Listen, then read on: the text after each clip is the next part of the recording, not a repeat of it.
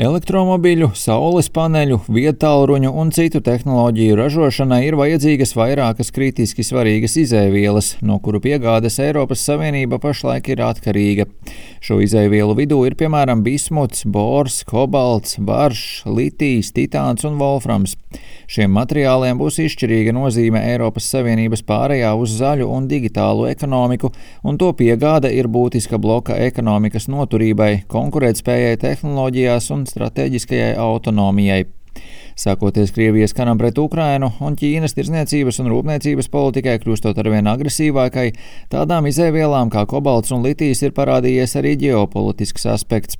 Ņemot vērā globālo pāreju uz atjaunīgajiem energoresursiem un ekonomikas digitalizāciju, paredzams, ka turpmākajās desmitgadēs pieprasījums pēc šīm strateģiskajām izēvielām pieaugs vēl straujāk. Eiropas Savienības apgādi ar tehnoloģiju ražošanai svarīgiem materiāliem risina kritiski svarīgo izēvielu akts.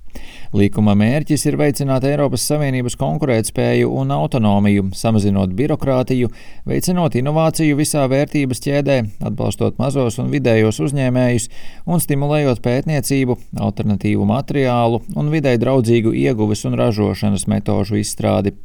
Pirms dažām dienām Eiropas parlaments pieņēma nostāju par šo likumu, un tagad sāks sarunas ar padomes prezidentu valsti Spāniju, lai panāktu vienošanos pirmajā lasījumā.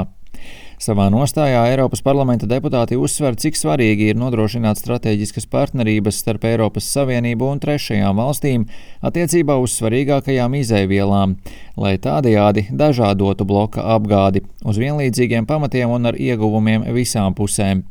Viņa vēlas bruģēt ceļu ilgtermiņa partnerattiecībām ar zināšanu un tehnoloģiju nodošanu, apmācību un kvalifikācijas celšanu, lai radītu jaunas darba vietas ar uzlabotiem darba apstākļiem un veicinātu labākus ekoloģiskus standartus partnervalstīs. Kā norāda Žokims Nuņes de Almeida, Eiropas komisijas iekšējā tirgus un rūpniecības ģenerāla direktorāta pārstāvis, ir jāapzinās, ka pilnīgi pašpietiekama Eiropas Savienība nebūs nekad. Clearly our intention is to diversify raw materials. Skaidrs, ka mūsu nolūks ir dažādot kritisko izdevielu piegādātājus, bet mēs lieliski saprotam, ka lielā mērā būsim atkarīgi no pārējās pasaules un vēlamies, lai šī atkarība ir pēc iespējas diversificēta.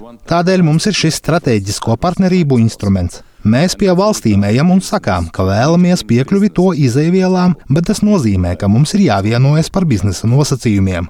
Valstis teiks, jā, bet tad prasīs, ko tieši varat pie mums atvest, cik lielas investīcijas un naudu varat dot. Šādas partnerības gan nav vienīgais instruments. Eiroparlamentārieši arī vēlas panākt lielāku uzmanību pētniecībai un inovācijai, lai meklētu aizstājēju materiālus un ražošanas procesus, kas ļautu strateģiski svarīgās tehnoloģijās aizstāt izēvielas.